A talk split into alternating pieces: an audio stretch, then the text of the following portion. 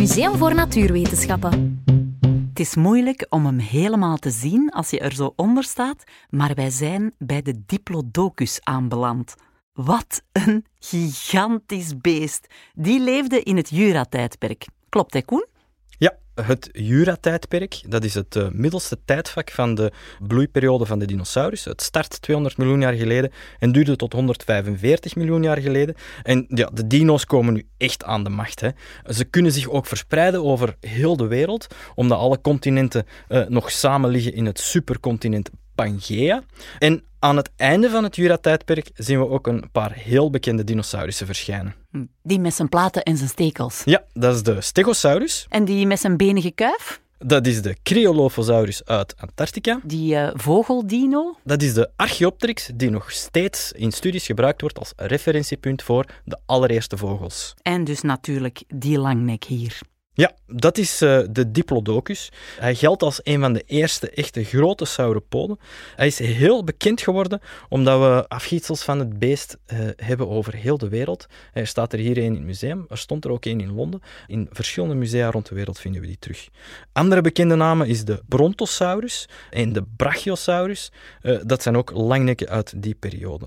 De lange nek is natuurlijk het voordeel geweest voor die dieren om, uh, ja, om zo groot te worden. Ze moeten zich weinig verplaatsen om toch een heleboel voedsel te kunnen vinden en opeten. Daardoor konden ze proporties aannemen tot ja, de grootste worden geschat op 100 ton, wat toch aan de, de fysiologisch haalbare limiet komt. Mm -hmm. En dat gigantische formaat van die sauropoden, dat komt door hun heterogene longen, toch? Ja, uh, ga jij dat uitleggen? Ah, ja, tuurlijk. Uh, kun jij anders even een koffie gaan halen? Dan doe ik alsof ik extreem veel over dino's weet. Oké. Okay.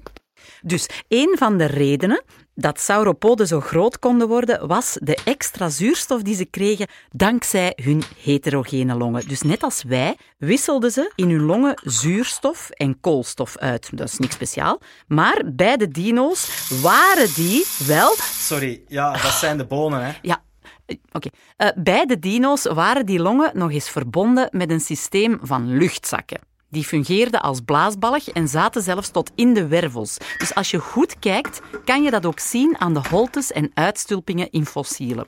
Met die luchtzakken kon een dino veel meer lucht inademen. En het strafste van al is. Dat... suiker? Nee, nee, nee, nee, dat moet niet. Uh, en het strafste van al is dit: die ingeademde lucht passeerde eerst de longen, belandde vervolgens in de luchtzakken en werd dan bij het uitademen opnieuw door de longen geleid. Dat wil zeggen, twee keer zuurstof opnemen voor de prijs van één ademhaling. Resultaat, bam, reusachtige dino's. Hier is de koffie. Ah, dank u, merci. Uh, Koen, ik heb nu even heterogene longen uitgelegd, hè, maar vertel jij mij in ruil dan wat die ronde stenen zijn die hier liggen? Ja, uh, dat zijn uh, gastrolieten. En we dachten heel lang dat dat, dat, dat stenen waren die gebruikt werden door die langnekken om hun voedsel te vermalen in de maag door uitgebreid onderzoek weten we nu ja, dat die daarvoor niet nodig waren en dat ze hoogstwaarschijnlijk door de rivier werden aangespoeld in die karkassen die in die rivier lagen. Ja, zo kan ik ook een museum vullen. Dus die stenen liggen hier eigenlijk voor niks. Ze zijn niet voor niks, want er zijn wel een aantal dinosaurussen die wel gastrolieten gebruiken.